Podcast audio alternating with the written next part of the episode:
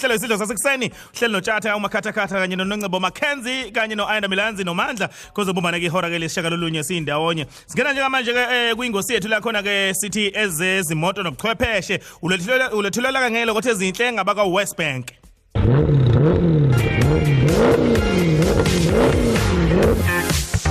Ngibingelele e-studio futhi ngibingelele abalaleli abahle bokhozi FM bakwethu ulesine namhlanje and uyazi ukuthi sikulethela i-motoring igama usibonelo myeni and namhlanje kusazoba mnandi kakhulu.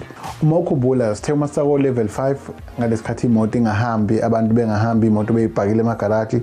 Sathi ke xhumana nomshwalense wakho uwazise ukuthi mina angisahambi manje and imoto yami ipakile okusho ukuthi i-risk yami iyehlile so ke uma uthi abantu ngempela balalela okuyinto enhle futhi la uma balalela bakhuluma nemshwalense yabo kwehliswa ama premium bajabula. Manje isikhathi sokuthi ubuyele kuyona kumshwalense uyosho ukuthi ayi eh ubuwehlisile ama premium kodwa manje njengoba sengilevel 2 um, indlela esengisebenza ngayo isizobuyela kuloko kade kwakujwayelekile before i-lockdown.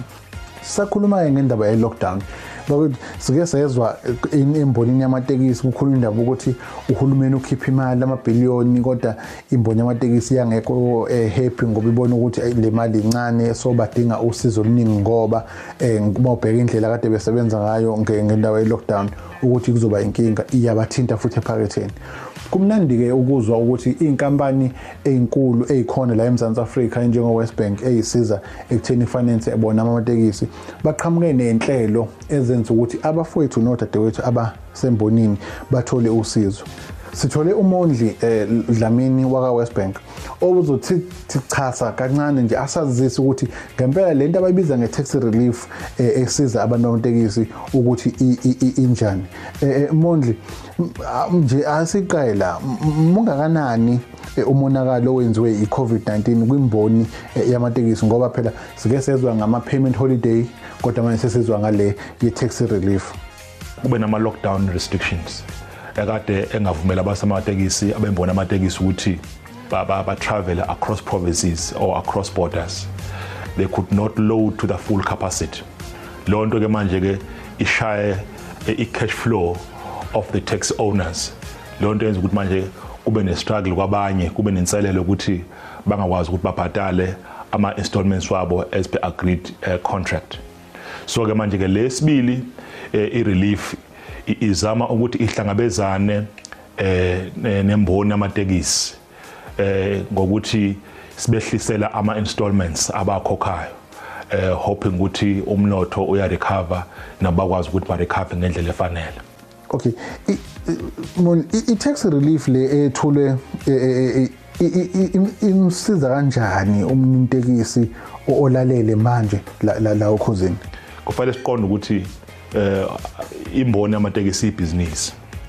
So njengamanje kusho ukuthi ke uma uapplyela ke le le program sikusiza ekutheni eh awube uba kuma areas ngesikhathi ukade ungabhadala angithi. So ngesikhathi kuma areas lonto yenza ukuthi ke manje ke kushaya ke i profile yakho njengosomabhizinisi. Uma kushaya profile yakho njengosomabhizinisi awubusakwazi ukuthi uapply le credit in the future. Ngoba iprofile yakho ishayekile. Okwesibili la i-account yakho it goes into areas. Uma ya kuma areas i-account yakho manje kusho ukuthi izomuva kwe-collection.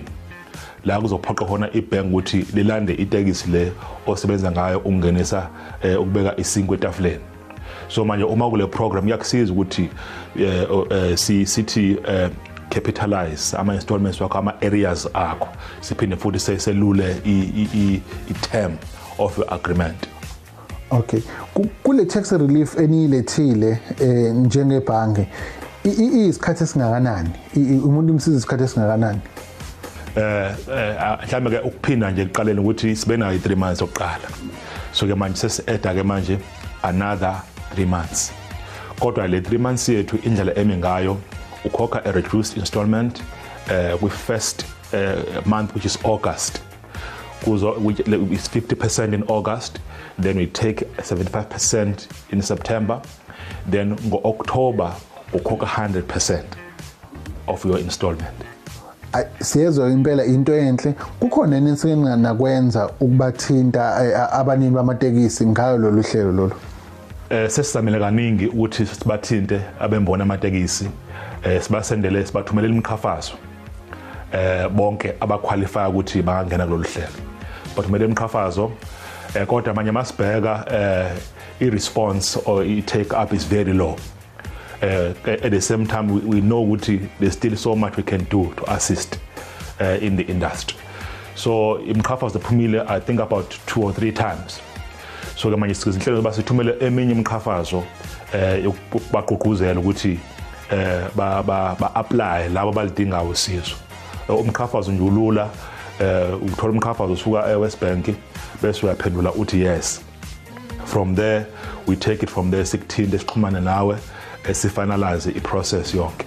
Now eh abafowethu nosisi abasembonini yamatekisi banganithinta kanjani uma befuna ukuthola lolu sizo lolu?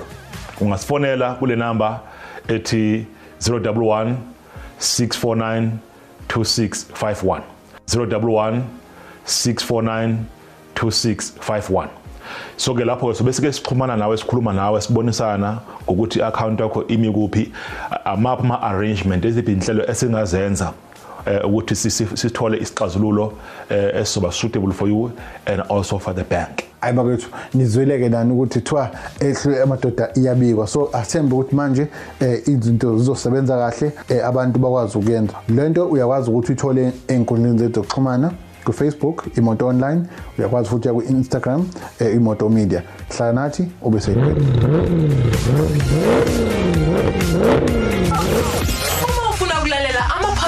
ethu uvakashela u-www.ukhozifm.co.za ukhozi fm luhamba phambili.